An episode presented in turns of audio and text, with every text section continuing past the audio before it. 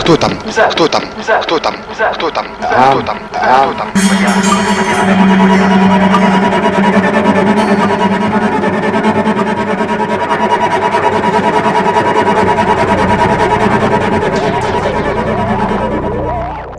Déjà vu. Hvilken tid på dagen var det? Hvilken tid på natten var det? Hvor ble jeg spilt i den musikken som ble spilt på bilradioen? Var klokka fem på halv åtte i går morges, da jeg sto her med hånden på brystet til en jente som løp østover, druknet i små røde hengende bjeller av horisontale hus, fulle av mengder med spøkelser knyttet til begrepet død og ødeleggelse?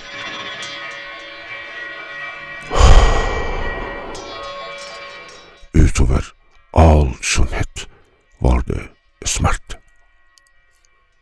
Den forferdelige smerten av sommerblomster og grusomheten til en solrik himmel. Smerten som kastet meg inn i en kropp som mørket har erobret. Smerten som kastet meg blant idiotene som ikke forandret seg, bare manifesterte seg. Klokka var fem på halv åtte i går, lørdag morgens. Mens jeg vandret rundt i torsdagsgatene og på søndager av frykt for mandag, stirret jeg på de svømmende, revne plankene på stranden på tirsdag, som minnet meg om deg. Visste du at jeg sto her klokka fem på halv åtte i går morges? Da jeg så en merkelig mann med et tatovert kors i en skog som hadde visnet siden høsten. Sa jeg at mannen snakket om religionens onde ånd, om politikkens mørke gråter da politiet lo hysterisk? Sa jeg at på den andre siden så jeg en trist kvinne med svarte stønn i munnen, som ga fitta si til steinansikter? Sa jeg at uh, i armene hennes blei det født en baby med ødelagte vinger som ga den ville lyden av instrumentalt storm? Nevnte jeg at blodige, gråe smukker kom ut av Verdensbankens fond? Nevnte jeg at det kom hermetiske bønder ut av rumpene til rike land for å gi næring til de fattige? Nevnte jeg at den moderne slaverihandelen fortsetter i vannet og produserer avkom over øyelokkene til Europa? Har jeg sagt det at det eneste skamfulle ved menneskenes kropp kan være hjernen? Jo, jeg sa det. Ja, jeg husker. Ja, jeg skrev alle disse ordene.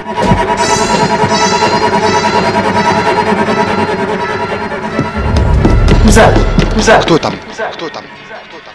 Кто там? Кто там?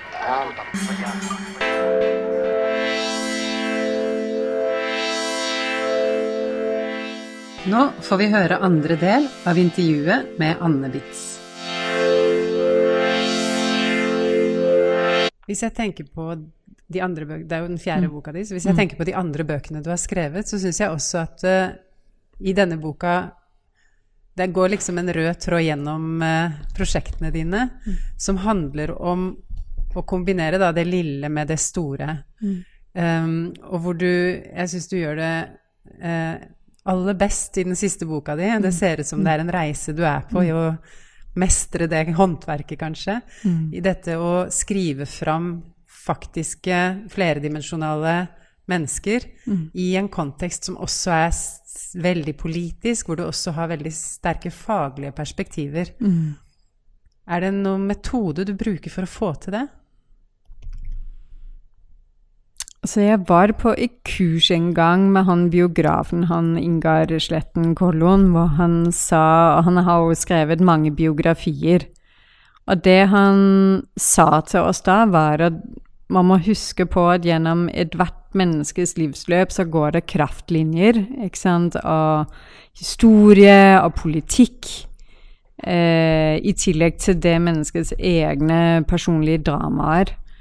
Så sånn helt konkret, når jeg går i gang med å skrive frem biografien til disse fire, dvs. Si altså Benjamin Hermansen, Ole Nikolai Quisler, Jo Erling Jahr og Veronica Andreassen, som var de Så helt konkret, det jeg gjør når jeg går i gang med å skrive frem biografiene til Benjamin Hermansen, Ole Nikolai Quisler, Jo Erling Jahr og Veronica Andreassen, er at jeg jeg har et sånt visuelt verktøy, eller eh, som Hvor jeg plotta inn langs en tidslinje eh, hendelser i deres liv, og det bygger jo på intervjudata. Eh, dommer jeg har lest, ulike dokumenter, eh, alt jeg liksom kan komme over. Eh, så jeg tegner opp deres individuelle livsløp langs én linje, og så tegner jeg inn parallelt også viktige historiske hendelser i det norske samfunnet, da. Så for eksempel har det vært vesentlig for meg å se på øh, Sånn som da Benjamin Hermansen ble født i 1985 hva skjedde liksom i mai måned, eller i månedene før og i månedene etter? Og det viste seg jo at ganske sånn kort tid før eh, så hadde det Eller nei, kort tid etter, i juni 1985, så var det jo et bombeangrep mot en, eh, mot en eh, moské på Frogner. Og kort tid før det så hadde det også vært forsøk på å sprenge innvandrerkontoret på Sagene. Så på mange måter så ble jo denne guttungen liksom, Han vokste jo opp i en form for kryssild. Det var flere attentater på eh, Ja, enkeltpersoner på religiøse bygninger. Eh, veldig mye som skjedde da på den høyreekstreme scenen på det tidspunktet, og det formet hans liv. Og det forma også livet til selvfølgelig de tre som ble dømt for dette drapet. Og så er det liksom parallelt med dette, så er det en eh, utvikling av norsk skole eh, som går i mye mer akademisk retning. Eh, blant annet under Gudmund Hernes, som jo var en, en viktig politiker. Eh, eh, og konsekvensene det fikk for en gutt som Jo Erling Jahr, altså en av de domfelte, var jo Altså, han slet jo med dysleksi, lese- og skrivevansker. Eh, og den utdanningspolitikken er jo noe som selvfølgelig får konsekvenser for gutter i hans sosiale klassemessige sjikt. Eh, vedtakelsen av likestillingsloven, hva gjør det med verdiene i et samfunn? Hva gjør det for gutter som vokser opp på Oslos østkant? Altså, så ta liksom de store politiske begivenhetene langs én akse, eh, og holdt jeg på å si, det første kysset, eh, den første konserten, eh, skoleskift, nye venner man treffer, tenker jeg er viktig å få inn i en sånn bok for å skildre både enkeltmenneskets liv og det samfunnet som de vokser opp og blir en del av. da. Ja, og det er kanskje noe av det som uh, kjennetegner det du gjør, da. Dette med at du også evner å eh, la oss føle gjenkjennelse med de som ender, ender, med å begå handlinger vi ikke har lyst til å kjenne oss igjen i, da, for å si det på den måten. Um, og da kommer jo følelsen inn igjen, ikke sant, som veldig sånn sterkt virkemiddel. Og der må det vel være en balansegang mellom det å legge følelser Altså hvordan kan du vite hva de føler? Mm. Det kan jeg jo ikke. Eh, og det jeg Det har jeg egentlig heller ikke som ambisjon å liksom skulle forsøke å, å, finne ut av. Men jeg tenker mitt viktigste verktøy når det gjelder følelser, det er, som, som jeg sa i sted, en empati og en omsorg som er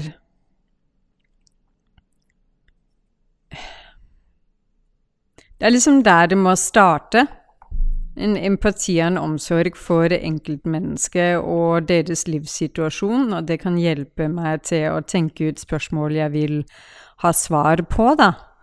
Um, og så vil det alltid være ting med de menneskene man skriver om i deres liv. Resonnerer det, eller resonnerer det ikke, da? Uh, men nei, jeg kan jo ikke vite hva Kan ikke vite hva de tenker. Og da må jeg jo nærme meg altså I og med at i denne boka så har jeg jo ikke lyktes med å få noen av de tre domfelte i tale.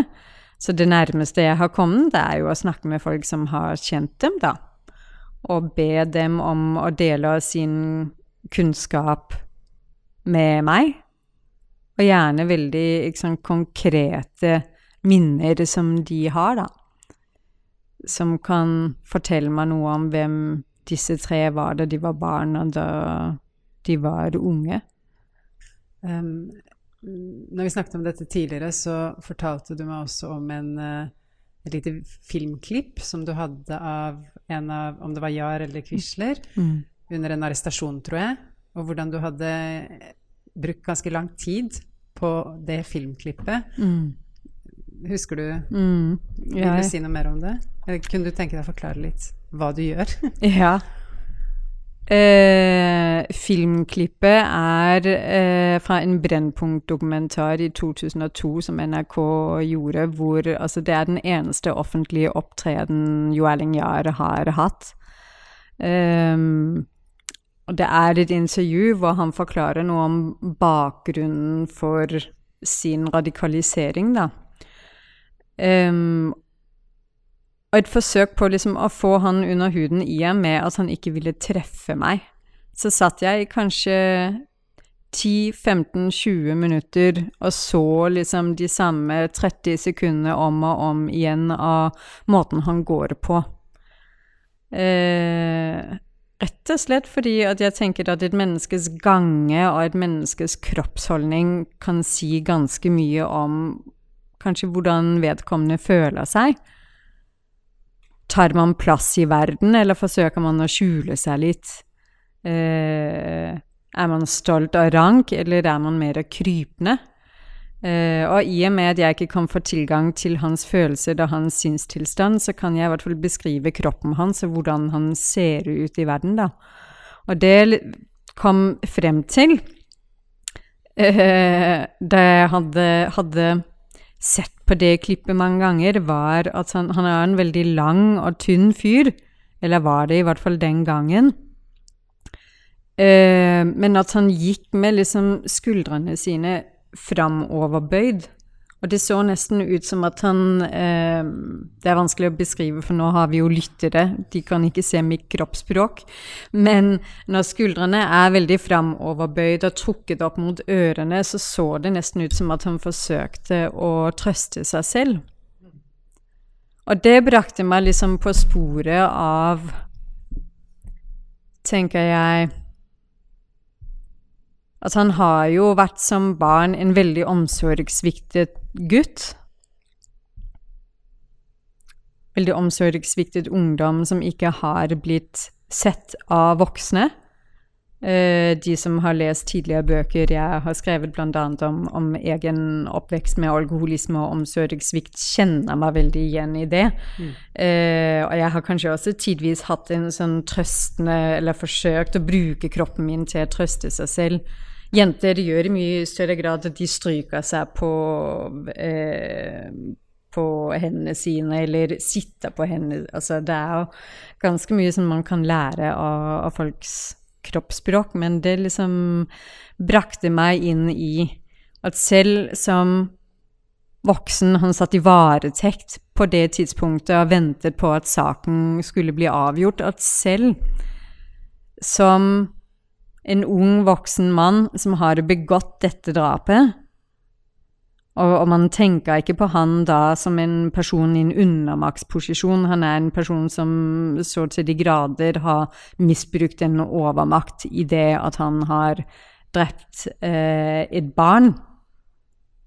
Men likevel det man ser når han går rundt i den fengselsgården, er også et sårbart, ensomt menneske som forsøker å finne en måte å trøste seg selv på. Det skriver jeg ikke direkte sånn frem i boka, men det gjør likevel at jeg seinere i boka blir veldig opptatt av hvordan var soningsforholdene hans, hvordan var liksom tiden frem til rettssaken, og begynte ut ifra det å grave ikke sant, i de Jeg har hatt tilgang til 3000 siders etterforskningsmateriale fra, fra politiet. Da var det telefakser og ulik liksom, korrespondanse som kunne kaste lys over det. Så den halvtimen med å sitte og se om og om igjen på hvordan er gangen hans, disse skuldrene, hvordan er han posisjonert, har hjulpet meg med å skrive eh, kapitlene om hans soning og om rettssaken, og forsøke å mane frem litterære skildringer av hvilken type person han var, da. Mm. Jeg syns også du lykkes så godt i den boka med å vise fram han som en mm. flerdimensjonal person. Eh, en som man kan ha gjenkjennelse med, mm. uten å bagatellisere i det hele tatt mm. det han har gjort. Mm. Um, men jeg vet også at du um, syns det var vanskelig å skrive fram uh, andre deler av boka som handla om mm. dine egne følelser mm. knytta til det du uh, lærte da, om saken, bl.a. rettssaken og hvordan eh, Benjamins beste venn, Hadi, ble behandla i den. Mm. Uh, vil du si noe om hvordan du gjør det for at de følelsene dine ikke skal komme i veien for det, oss som leser det? Nei, altså Først og fremst så har jeg jo hatt to ganske strenge redaktører som har eh, eh, kommentert mye på manus. Vi har jobbet utrolig mye med å dempe språket. Så ja det var, det var, ikke lett. Det var veldig veldig vanskelig å få det der til å sitte. For jeg var utrolig sint ikke sant, mens jeg skrev det. Og det speila jo inn på erfaringer jeg, jeg, selv har hatt. Jeg har vært i en tilsvarende situasjon, jeg som, som Hadi. Jeg var riktignok mye eldre, eldre, enn han, men jeg har selv sittet i politiavhør. Eh, og har skulle forklare meg om seksuelle overgrep jeg har blitt utsatt for, og opplevd liksom den institusjonelle makten, liksom følt den på kroppen. Og når jeg ser denne Ja, han var vel 16, da. 16 år gamle gutten eh, bli dratt igjennom en krysseksaminasjon som er så utmykende eh, og full av hersketeknikker. Det aktiverte jo veldig mye sånn Selvfølgelig en empati og en omsorg for han.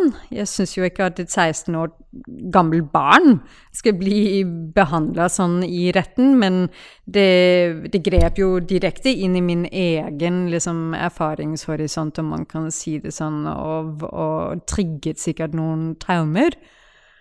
Og det er jo viktig at det skrivende rommet jeg befinner meg i da, ikke liksom skal bli et sånn terapeutisk rom, da. At selv om sinne kan være en veldig, veldig god motor, så jeg mener ikke at man skal liksom undertrykke sinne som en kreativ kraft. Jeg tror det er veldig mye bra som, som bor der.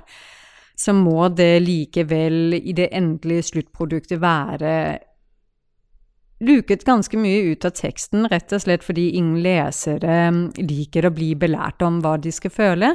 Så du må sørge for å legge ut nok informasjon til at leseren kan treffe sine egne konklusjoner, og så får jeg heller bruke adjektiver eh, i terapi, da, for å si det sånn. Mm. Mm. Ok, Anne. Så dette har jo vært et enormt prosjekt. Det har tatt deg mm. tre år. Mm. Hva nå? Ja, det er veldig vanskelig. Fordi boka ligger der. Og så har man jo en slags forestilling om at, at, da er dette prosjektet ferdig. Jeg har fått midler til å eh, skrive en ny bok om høyreekstremisme som skal dekke perioden fra 2001 til 2019, eh, som kommer til å handle om eh, terroren i Bærum i 2019 av Philip Manshaus. Men egentlig så Jeg vet jeg har vet ikke om man kan bruke ordet kjærlighetssorg, men det, jeg har vært så tett knyttet til alle disse menneskene i dette universet gjennom så mange år. Jeg klarer liksom ikke å helt gi slipp.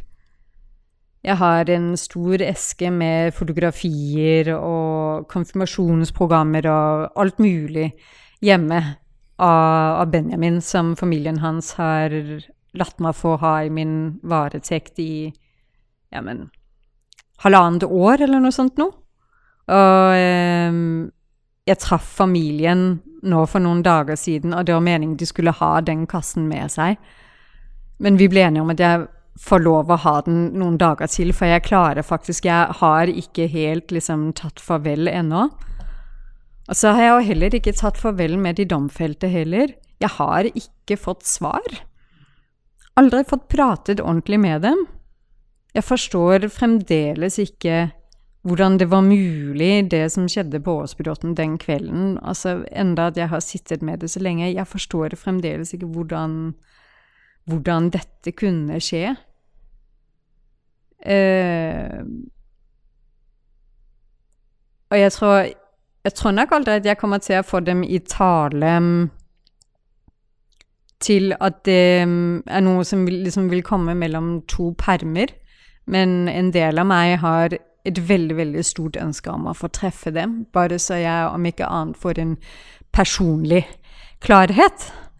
Eh, jeg syns det er veldig, veldig vanskelig å, å, slippe dem. Sånn kreativt sett, da, eller som skapende menneske, skriv, skrivende menneske, hva er det du har lyst til å få til neste gang? Nei, det tror jeg ikke jeg har noe svar på. Og det er jo nettopp fordi at jeg skriver for å finne ut av hva det egentlig er jeg tenker. Så det er jo klarhet. Mer klarhet. Mer klarhet. Ja. Tusen takk, Anne. Takk fordi jeg fikk komme.